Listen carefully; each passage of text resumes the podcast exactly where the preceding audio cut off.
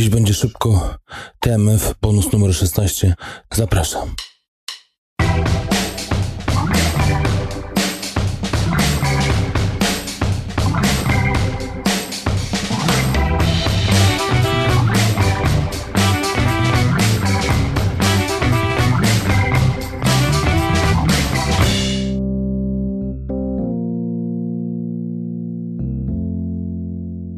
Oczywiście intro było lekkim żartem, wiadomo.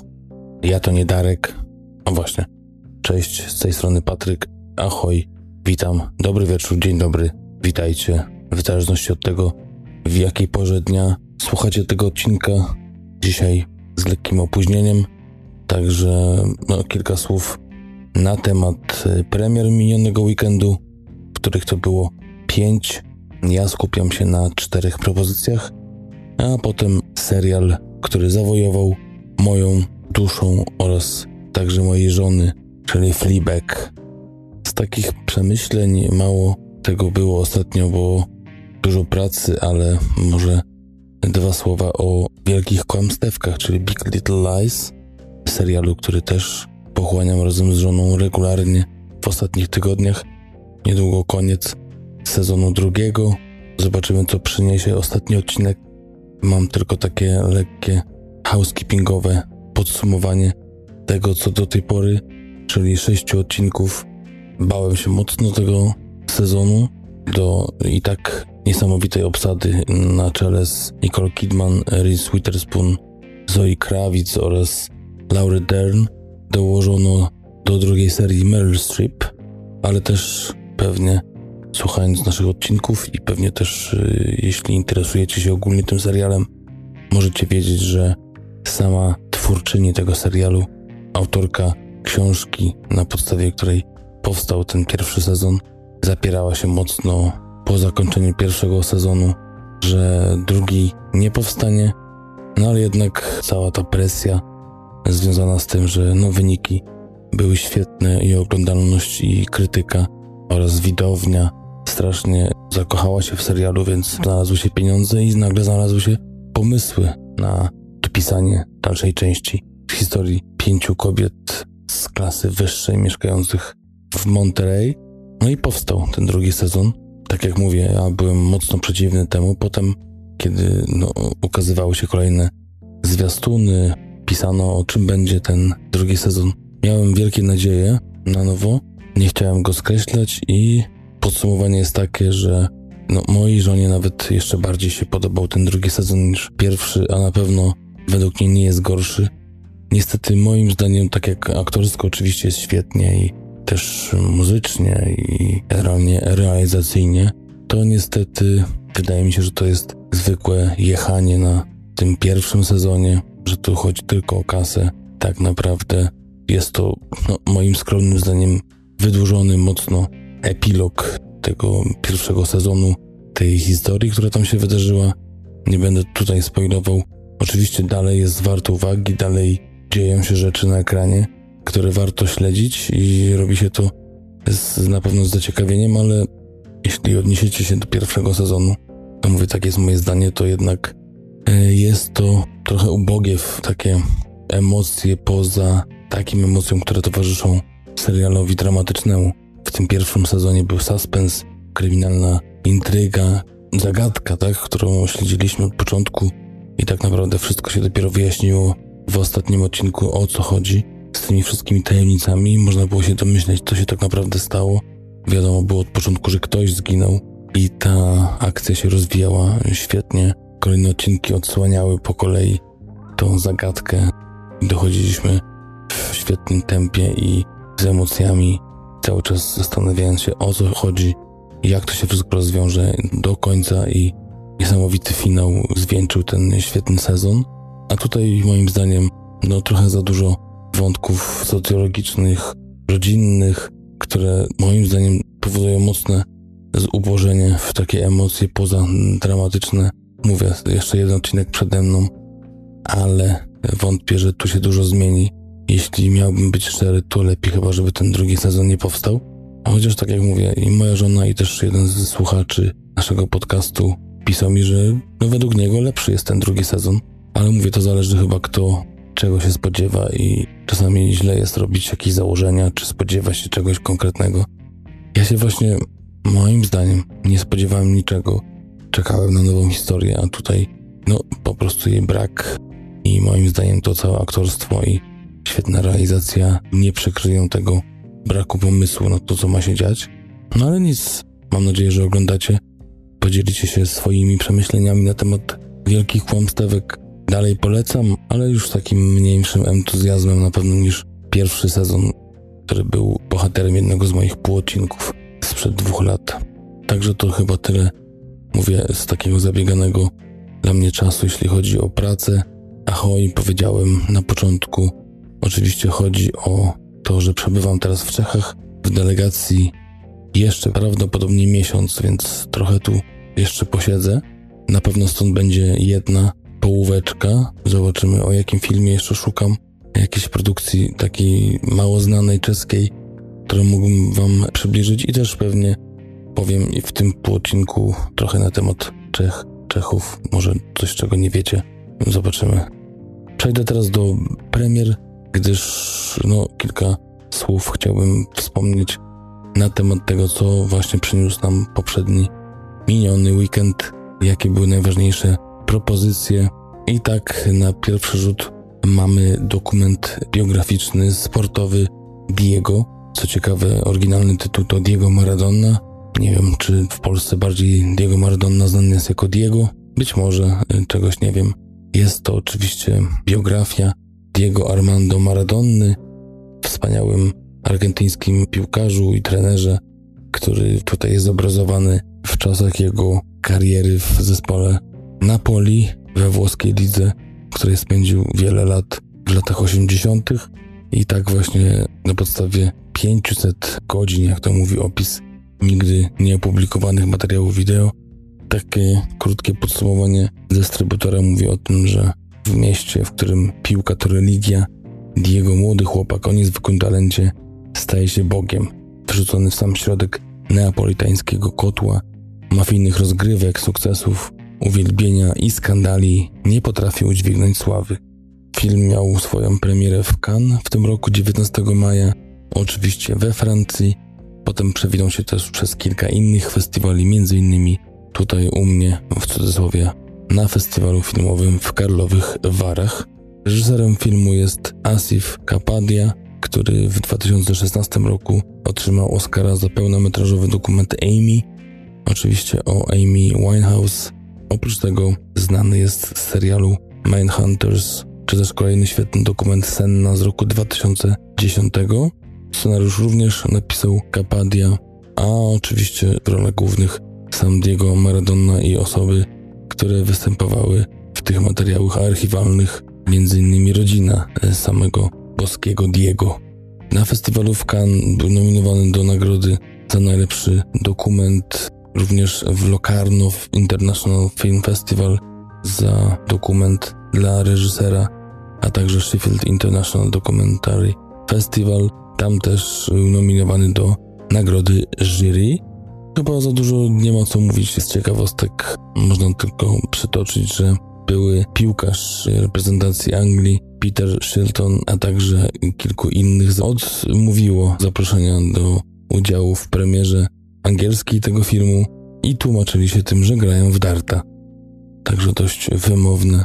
Jeśli chodzi o krytykę, na Rotten Tomatoes mamy 85% zadowolonych recenzentów, na IMDb to jest 7.7. To, co, na co zwracają uwagę krytycy, to jest m.in. to, że ponoć film jest dość solidnym podsumowaniem złotych lat życia i przede wszystkim kariery zawodowej Diego Maradony, ale jego życie jest jeszcze bardziej bogatsze, mocniejsze, głębsze, mroczniejsze niż jakikolwiek największy detal czy szczegół omówiony w tym filmie. Chyba chodzi o to, że po prostu wszystko można było mocniej, głębiej, mroczniej, a jest to może lekko złagodzona wersja. Inni recenzenci podkreślają, że bardzo ciekawa technika, którą wykorzystywał reżyser w swoich poprzednich e, dokumentach, jest wykorzystana i tutaj. To wprowadza z minimalną narracją i bez wielu typowych dla dokumentów scen z gadającymi głowami. w takim stylu. Reżyser naprawdę robi świetną robotę i że film jest jak najbardziej udany. To samo jeśli chodzi o reżysera, który, no jak to wspominał recenzent, miał zrobić sobie test na to, czy będzie w stanie zrobić dobry dokument o osobie, która jeszcze żyje. I taka puenta, że Kapadia zdał ten test. 120 minut to jest czas trwania tego filmu. No, nie wiem, na dokument sportowy do kina. Myślę, że nie bardzo, jeśli chodzi o mnie, ale jeżeli wśród Was są wielcy fani Maradony, to pewnie takiego kąska nie ominą.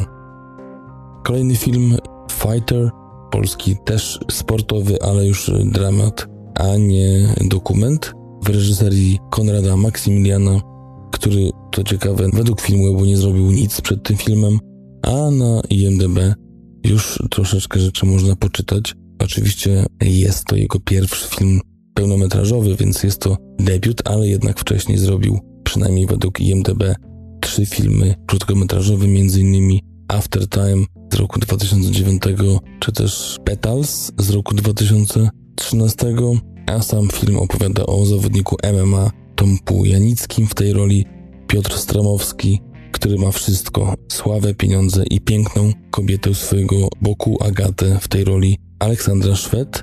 Na horyzoncie walka o mistrzowski pas, ale w ostatniej chwili federacja zmienia prestiżowe starcie na walkę z udziałem tak zwanego Pretty Boya, a Tomek e, wpadając w wściekłość pod wpływem emocji podejmuje kilka złych decyzji, które wystarczają, by jego kariera z dnia na dzień legła w gruzach. Jak wspomniałem wcześniej, Piotr Stramowski występuje w roli głównej, jego pewnie pamiętacie na przykład z takiego filmu jak Pitbull Nowe Porządki z roku 2016, Narzeczony na niby ze zeszłego roku, czy też słynny Botox z roku 2017.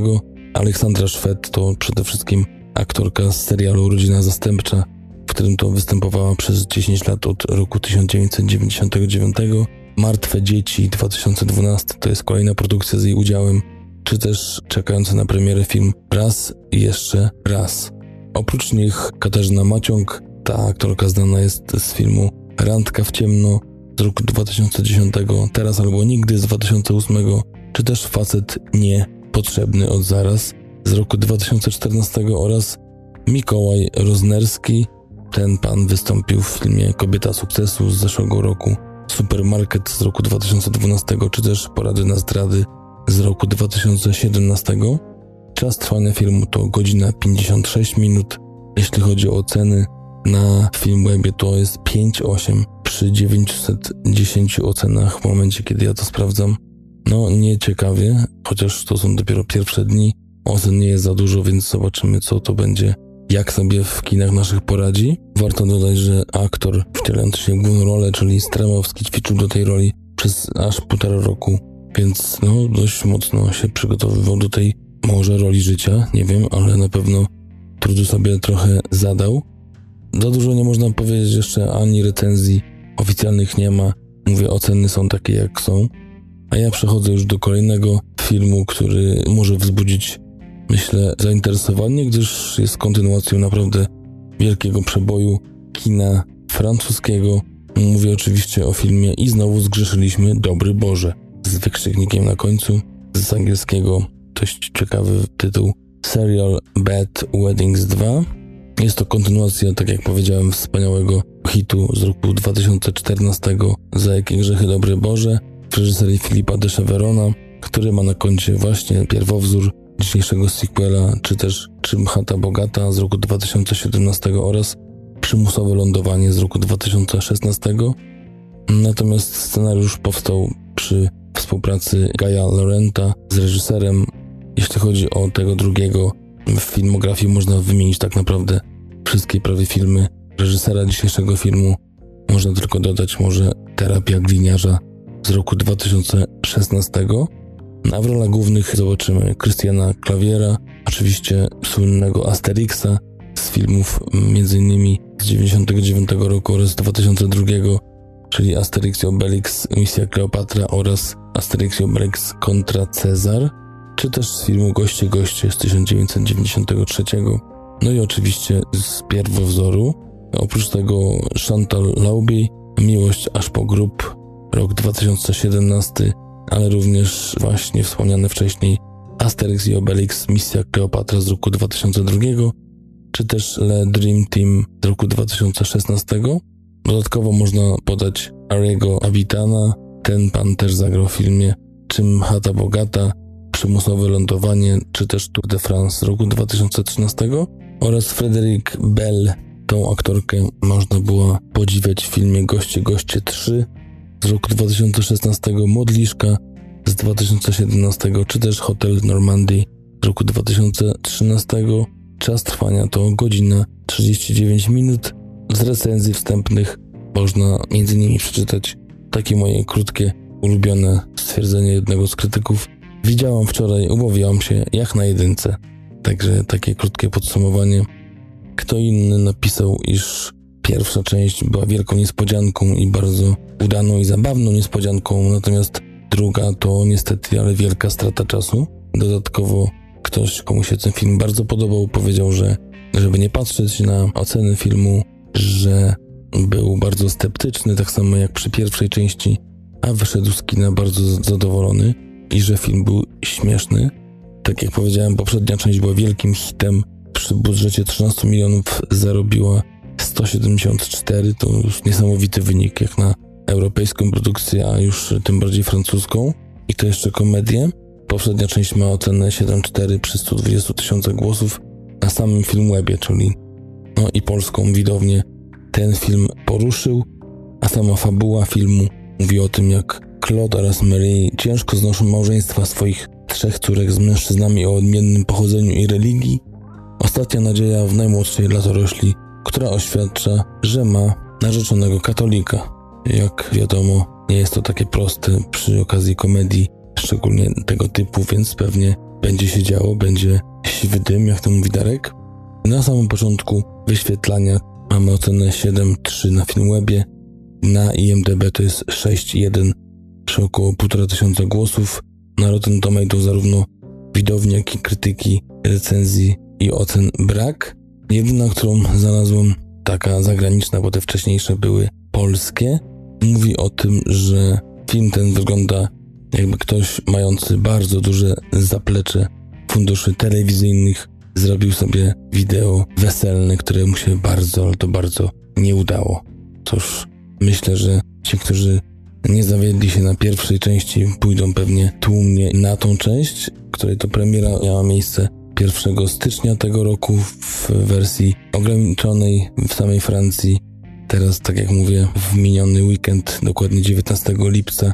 No to chyba wszystko, jeśli chodzi o ten film. Tak jak mówię, to dopiero początek wyświetlania. Tak jak mówię, no nie ma zbytnio recenzji, nie ma ocen zbyt reprezentatywnych z racji tego, że dopiero wkracza ten film na szersze salony.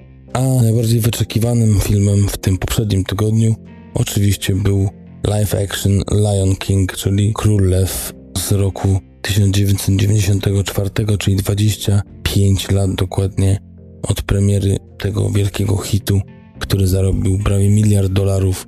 I mamy tutaj remake wersji live action, czyli wszystko wygenerowane komputerowo na wzór świata rzeczywistego, co właśnie ponoć można niesamowicie wyczuć i dać się ponoć pochłonąć. I też niektórzy mówili, recenzenci o tym, że aż ci wbierze, że z zakadru jak w roli narratora nie występuje Krystyna Czubówna. Tak oddana jest ta natura zwierzęca. Światowa premiera miała miejsce 9 lipca w Hollywood, a w kinach tym razem równiutko jesteśmy ze Stanami Zjednoczonymi. 19 lipiec, a po trzech dniach film już zarobił grubo, grubo, bo ponad 530 milionów dolarów. Tak jak mówię, to są dopiero 3 dni, więc jest nieźle. Chociaż budżet był wysoki, to już go praktycznie podwojono, bo budżet tego filmu to 280 milionów dolarów.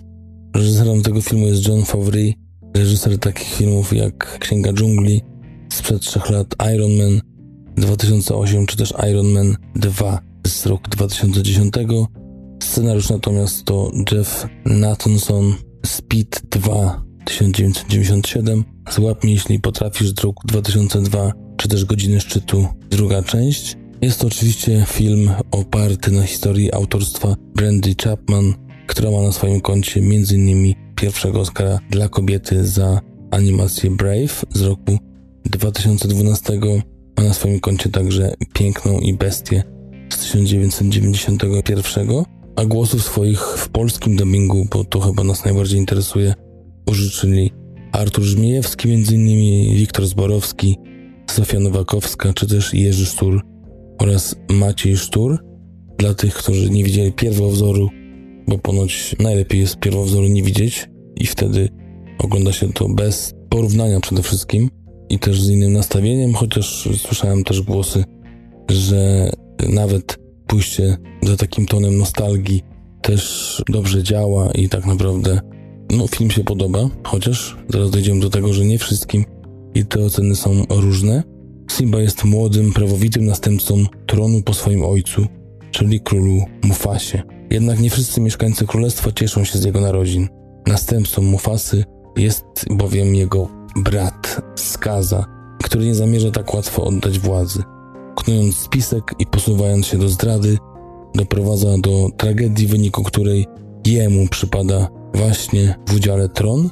Simba zostaje wygnany, pozostając wierny naukom swojego ojca Mufasy, bierze do serca swoje królewskie przeznaczenie i z pomocą dwójki nowo poznanych przyjaciół zamierza odzyskać należne dziedzictwo. Film web w tej chwili to jest 7, 7 ocena na IMDB. Na początku jak patrzyłem kilka dni temu to było 6.2, potem było 6.7, teraz to już jest 7.1, więc e, ocena rośnie. Co dziwne, bo przeważnie w takich sytuacjach te oceny wraz z wzrostem głosów maleją, a tutaj jest akurat odwrotnie.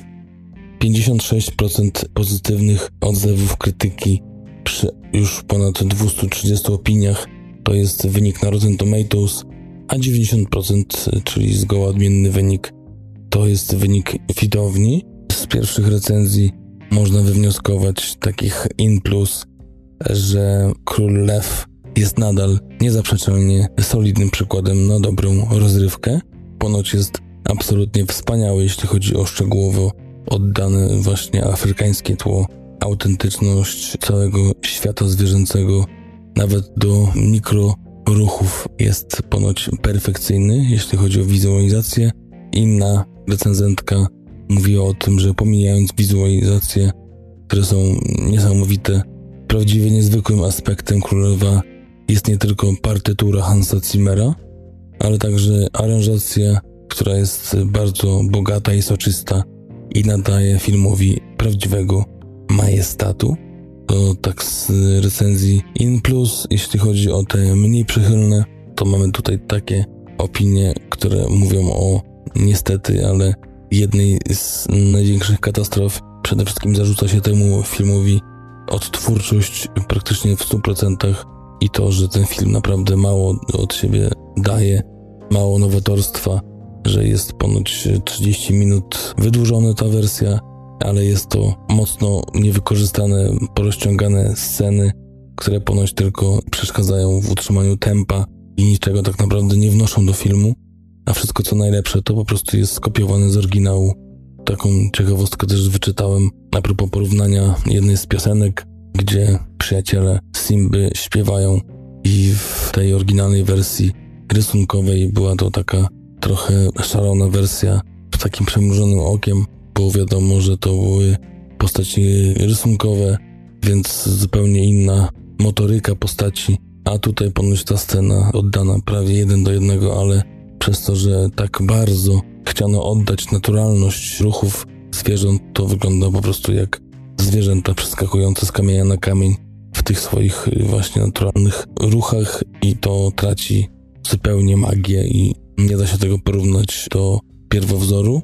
Oprócz tego inna recenzja mówi o tym, że jest to, tak jak powiedziałem wcześniej, naśladowanie jedynie tego, co już było idealne i tak naprawdę ten film no, w tej formie no, nic od siebie nie daje i jest za przepuszczeniem pomysłu i że broni się tutaj tylko i wyłącznie wizualna strona, która jest z drugiej strony perfekcyjna i, i niesamowita. Z ciekawostek warto przytoczyć takie informacje, iż był kręcony w Los Angeles oraz w RPA. W roku 2017 Hans Zimmer ogłosił, że wraca do filmu po tym jak napisał partyturę do pierwowzoru, zgodził się, aby w remake'u zrobić to samo. I ponoć tak samo zrobił, jeśli chodzi o Księgę Dżungli. Tak samo było z Richardem Shermanem, którego również zabukował w cudzysłowie, że tak powiem, sobie reżyser do filmu, a ten właśnie pan napisał również muzykę do oryginału z 1967 roku, więc dużo, dużo wcześniej. James L. Jones to jest aktor, który podkłada głos pod Mufasę i w jednym z wywiadów Foro mówił, że niesamowity temp głosu po 25 latach u Erla na tyle się zmienił, że słychać w nim to, że król służył i rządził już wiele lat, więc ta zmiana, można powiedzieć, no po prostu zestarzenie się głosu Jonesa wpływa tylko pozytywnie na, na sam odbiór Mufasy i to, jakie niesamowite wrażenie robi ten głos. Jest to też pierwszy film, który zostanie wydany również i wypuszczony na nowej platformie internetowej Disney Plus. I tam pojawi się również Toy Story 4 oraz Frozen 2 w tym roku. Jest to już siódme live action, które studio Walta Disneya zrobiło po 2010 roku. Ponoć z takich zmian co do oryginału Timon, może kojarzycie, rezolutnego malucha, który chodził na dwóch łapach tylnych w tej wersji oryginalnej, tak naprawdę w ogóle nie używając przednich łap, a tutaj w tej nowej wersji cały czas naturalnie używa czterech łap i tak jest ukazywany. Nigdy nie chodzi na dwóch, tak jak w tej wersji rysunkowej. Ja oczywiście z racji tego, że moja córka już dwa razy widziała oryginał i zakochana jest w tym filmie, myślę, że pójdę, ale nie wiem, czy jeszcze będą grali, bo tutaj w Czechach oczywiście albo jest po angielsku, albo z tym wspaniałym dubbingiem czeskim, co oczywiście powoduje większy uśmiech na twarzy, ale nie do końca i nie zawsze to, że no przynajmniej Polak potrafi zrozumieć o czym dana postać mówi. A propos takich właśnie smaczków językowych, to może dwa, trzy słowa powiem w nadchodzącym półodcinku, zobaczymy, bo mam tą styczność z językiem czeskim na co dzień i bywają śmieszne sytuacje. I chyba to tyle na temat premier kinowych na 19 lipca i przejdę teraz szybko do serialu, o którym chcę powiedzieć i przede wszystkim zachęcić do oglądania. To oczywiście jest serial Fleabag. No, nie ma tłumaczenia na język polski. Może i dobrze. To jest pseudonim głównej bohaterki serialu, a także no, pseudonim tak naprawdę tej samej e, osoby, ale aktorki już, która tak została nazwana przez swoją rodzinę. Mówię tutaj oczywiście o Pep Waller-Bridge, która wciela się w główną rolę i jest również pomysłodawcą, showrunnerką i autorką scenariusza. Zresztą to też yy, może na początek ciekawostka. Cały ten serial to tak naprawdę od samego początku miał być może nie tyle żart, co po prostu aktorka założyła się pewnego razu ze swoją przyjaciółką, że zrobi mocno improwizowany stand-up 10-minutowy na temat właśnie takiej Fleabag dziewczyny, która jest po przejściach i która próbuje sobie ułożyć jakoś na nowo życie po traumie, która ją spotkała. I tak przechodzimy właśnie do wyczynów, czy raczej osiągnięć głównej scenarzystki i twórczyni Pep Waller-Bridge, rocznik 1985. To scenarzystka również serialu Killing Eve, czyli Obsesja Eve, serial, który został uznany najlepszym serialem na rozdaniu nagród Złotych Globów w tym roku. Ma na swoim koncie także serial Crushing z roku 2016. Tam też grała główną rolę. To jest serial, który miał sześć odcinków. Również znana jest jako aktorka z takich filmów jak Żelazna Dama, czy też serial Broadchurch. Tam się spotkała innymi z Oliwią Colman i co chyba najciekawsze w tej jej drodze do szczytów ogólnoświatowych, można powiedzieć, bo najczęściej współpracuje tutaj na rynku brytyjskim. Jest również współscenarzystką kolejnego Bonda, czyli Bond numer 25. Ostatni prawdopodobnie z Danielem Craigiem. Także no dość szybko wspina się po tej drabinie. A w rolach głównych w tym serialu obok już wspomnianej Waller-Bridge zobaczymy Sian Clifford, która wciela się w rolę Claire, siostry głównej bohaterki. Ta pani ma na swoim koncie takie produkcje jak Targowisko Próżności z zeszłego roku, czy też Dodgy Dave, również z roku 2018.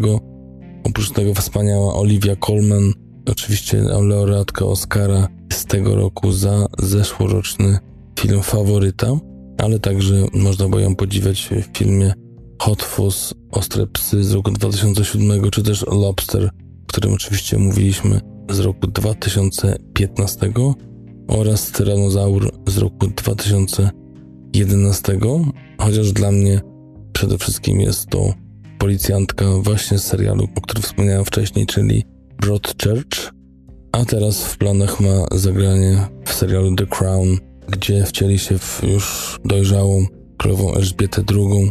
Ma grać w dwóch sezonach przynajmniej, w tym, który będzie miał premierę w tym roku i w roku 2020. Oprócz tego mamy Jenny Rainsford, która występuje w roli przyjaciółki głównej bohaterki Boo, a także Billa Pattersona, który jest ojcem wspomnianej Fleabag. Ten pan zagrał w takich filmach jak Wiedźmy z roku 1990, Miss Potter z roku 2006, czy też Królestwo Niebieskie z roku 2005, a także w roli szwagra Brad Gelman, którego mogliście widzieć w takich produkcjach jak Cytryna z roku 2017, 30 minut lub mniej z roku 2011, czy też Policja Zastępcza z 2010. I ostatnim, bardzo ważnym, przede wszystkim w drugim sezonie aktorem jest Andrew Scott, Irlandczyk, rocznik 76.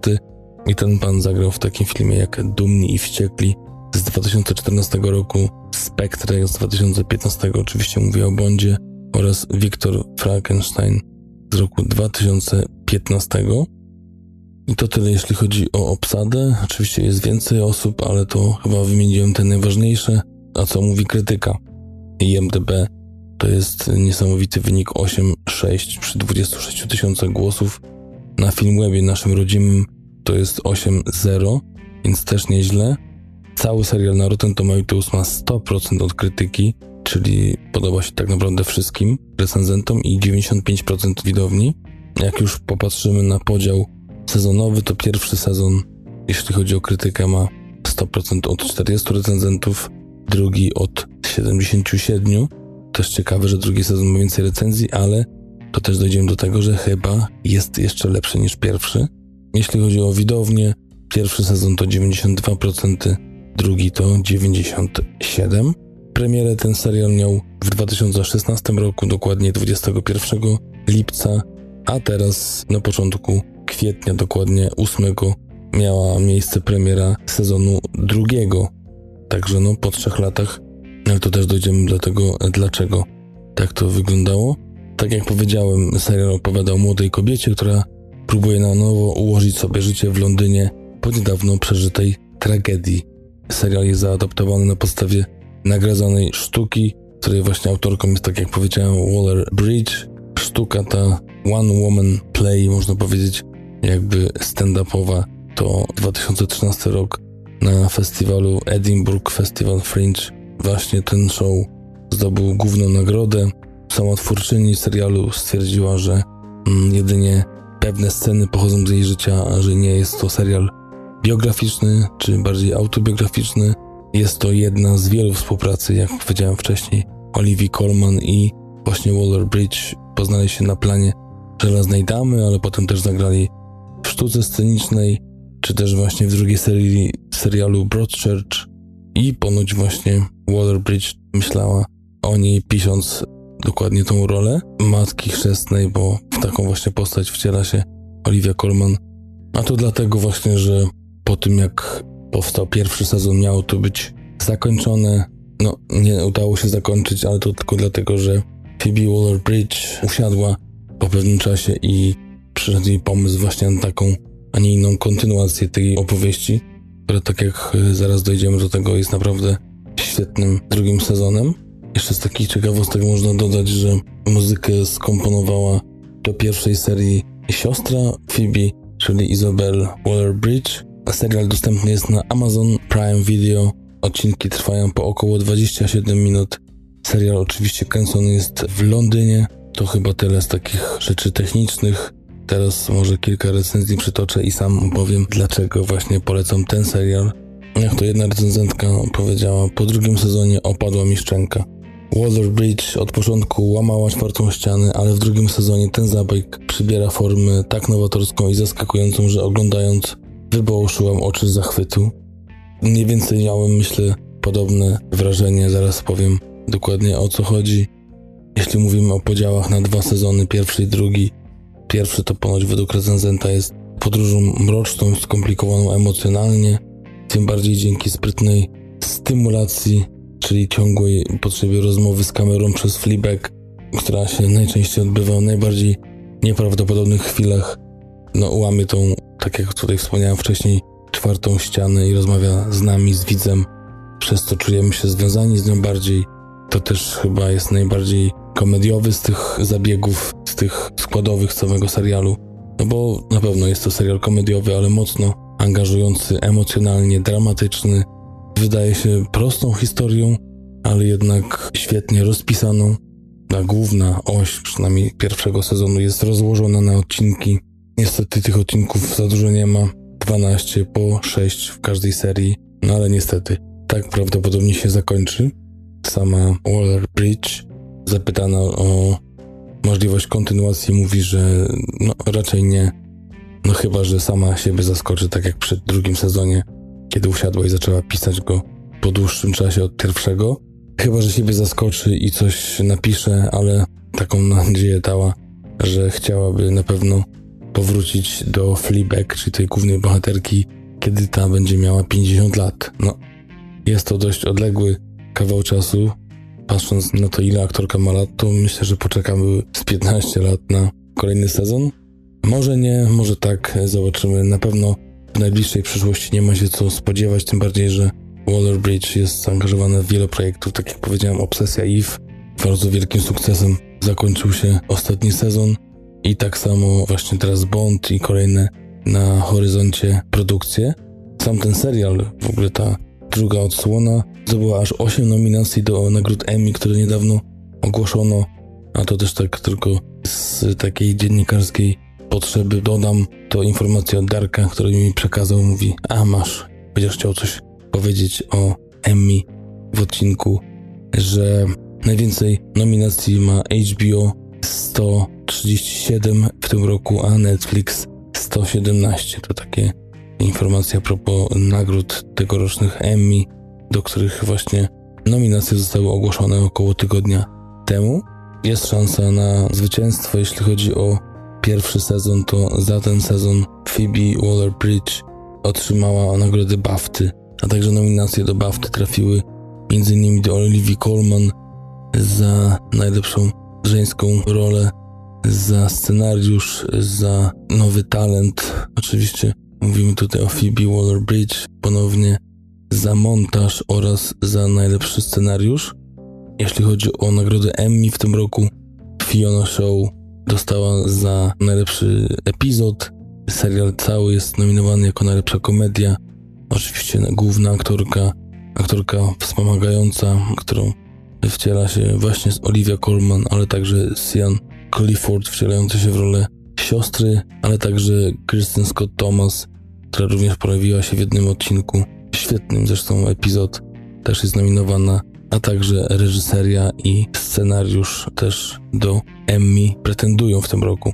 Sam z siebie muszę powiedzieć, że serial jest, dodając może oceny mojej żony, muszę powiedzieć, że serial jest niczym trudka na szczury, ale za szczury uznamy w tym wypadku oczywiście produkcje amerykańskie, komediowe. Bardzo mało jest tych ostatnio pozycji, które mi i też mojej żonie przypadają do gustu.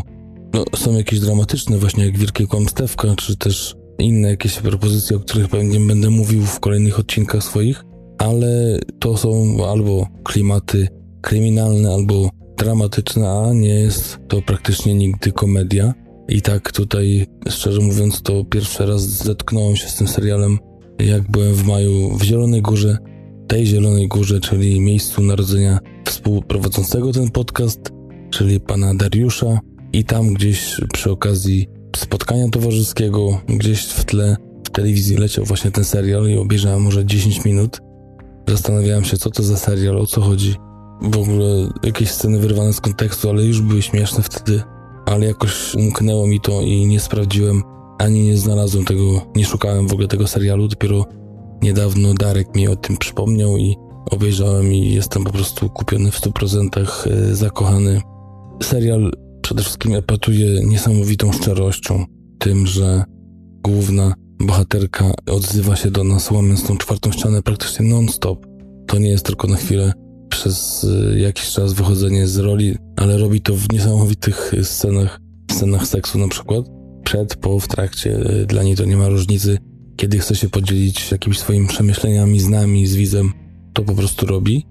Niesamowite jest to, jak bardzo złożony jest ten serial, z ilu warstw i, i tak naprawdę ilu no można powiedzieć, takich historii miłosnych się składa, bo jest tutaj miłość naszej głównej bohaterki do kolejnych spotkanych przypadkowo mężczyzn, do ojca, do siostry, matki chrzestnej, miłość między matką chrzestną a ojcem właśnie głównej bohaterki, miłość siostry, Fleabag do swojego męża i ta skomplikowaność tej relacji i jeszcze wiele innych naprawdę Wydaje się, że to jest tylko 12 odcinków po około pół godziny, ale naprawdę dużo się dzieje.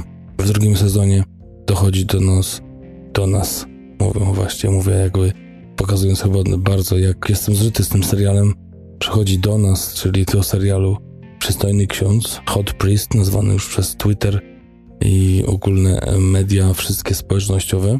I tutaj też mamy specyficzną i bardzo ciekawą relację głównej bohaterki właśnie z tym młodym, przystojnym księdzem, który też rzeczywiście komplikuje wszystko i też dużo przemyśleń, dużo takich praw życiowych przemycane jest w każdym z tych odcinków. Wydaje się, że każdy odcinek, a już na pewno druga seria, jest takim majstersztykiem. Tam żadne słowo nie pada przypadkiem. Wszystko jest przemyślane, niesamowicie zagrane.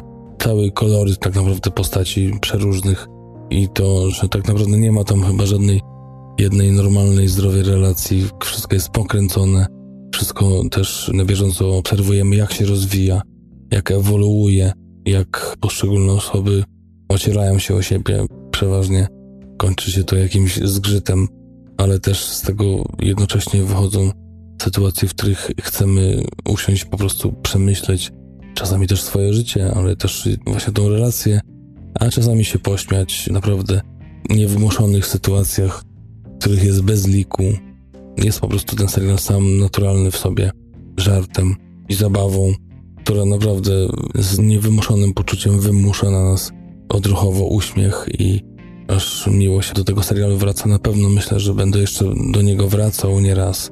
No tutaj wydaje się to rzeczą bardziej naturalną, z takim przekonaniem, że może kiedyś powstanie ten trzeci sezon, chociaż wydaje się, że idealnie jest zakończony ten drugi z takim lekkim, oczywiście niedomówieniem, ale bardzo wymowne jest to zakończenie, bardzo naturalne, ale jednocześnie wiele pytań jest.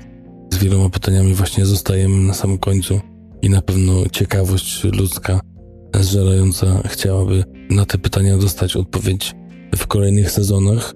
Jeszcze z takich wybranych recenzji mogę dodać to, że na przykład teatralne DNA tego serialu utrzymuje się w swoim stylu takiego opowiadania. Fleabag jest zarówno narratorką, jak i aktorką, zwracającą się do kamery, aby komentować scenę i robi to tak, jak nigdy uroczo na ekranie tego doświadczyć nie mogliśmy. Podróż serialu jest mroczna i skomplikowana emocjonalnie. To zbiór pojedynczych chwil, a podążanie za tym cierpliwość po kilku odcinkach ujawnia pełniejszą, smutniejszą, bardziej wielowymiarową historię, która zakotwiczona jest w porywającej uczciwości i pomysłowych zastosowaniach pomieszania czasu i nagłym stylem właśnie edycji tego łamania tej czwartej ściany, które to nam bardzo dużo tłumaczy, ale też jest jakby czasami czujemy się częścią dialogu, który to główny bohaterka prowadzi z poszczególnymi osobami i przez to jest taki zajmujący, przez to, że tak jak powiedziałem, ten koloryt postaci jest przeróżny, to też nie nudzimy się, każda postać zetknięta z kolejną wytwarza iskry i żar, że tak naprawdę żadna relacja nie jest jakaś nijaka. Każda ma coś w sobie ciekawego i z każdej myślę, że można się dużo nauczyć. No szkoda, że tego jest tak mało, ale chyba te najlepsze, najważniejsze rzeczy to właśnie są takie w życiu, po których czujemy niedosyt, których chcemy więcej i może to czyni tą rzecz, ten serial takim niesamowitym i tak jest może w tym przypadku.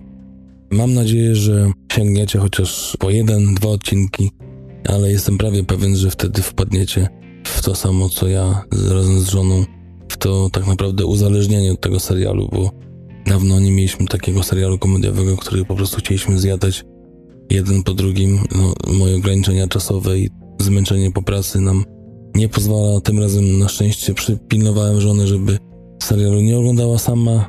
Nie wiem, może się nie przyznała, że oglądała, ale wydaje się, że jednak y, tym razem powstrzymała tę rządzę nadrobienia i sprawdzenia, co tam dalej w historii, bo ostatnio było z tym ciężko i tak kilka serialów nam przepadło do oglądania wspólnego, bo już dawno mnie wyprzedziła na przykład y, Bates Motel na Netflixie, ale to tak tylko na marginesie. No i tyle chyba, co chciałem powiedzieć o tym serialu. Niesamowity Fleabag, dwa sezony. Pierwszy sezon z 2016 roku, drugi z tego roku. Zamknięta całość, 12-odcinkowa. Mówię odcinki mniej więcej po 23 do 28 minut. Mam nadzieję, że się spodoba. Wracajcie z feedbackiem. Mówcie, czy Wam się podobało, czy nie. Ściskam kciuki za to, żeby tak. No bo to jest naszym celem. Polecać coś. I taka radość z tego, jeśli mamy jakiś feedback od Was i, i okazuje się, że trafiliśmy w Wasze gusty, to jest chyba najwspanialsza część tej pracy. Ja tak jak powiedziałem kiedyś, że od tego wyszedłem w ogóle, że uwielbiam polecać ludziom i moją radością jest to, jak komuś się coś poleconego spodoba. Mam nadzieję, że będzie to tym razem też strzał w dziesiątkę.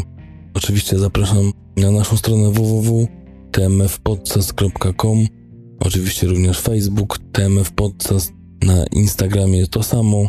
Na Twitterze jesteśmy pod aliasem TMF podkreśnik dolny podcast, a szukajcie nas na wszelkich możliwych aplikacjach podcastowych na YouTubie, na Spotify, na Lektonie, aplikacji do słuchania audiobooków, a następny odcinek nie wiadomo jak to będzie, jak to wyjdzie.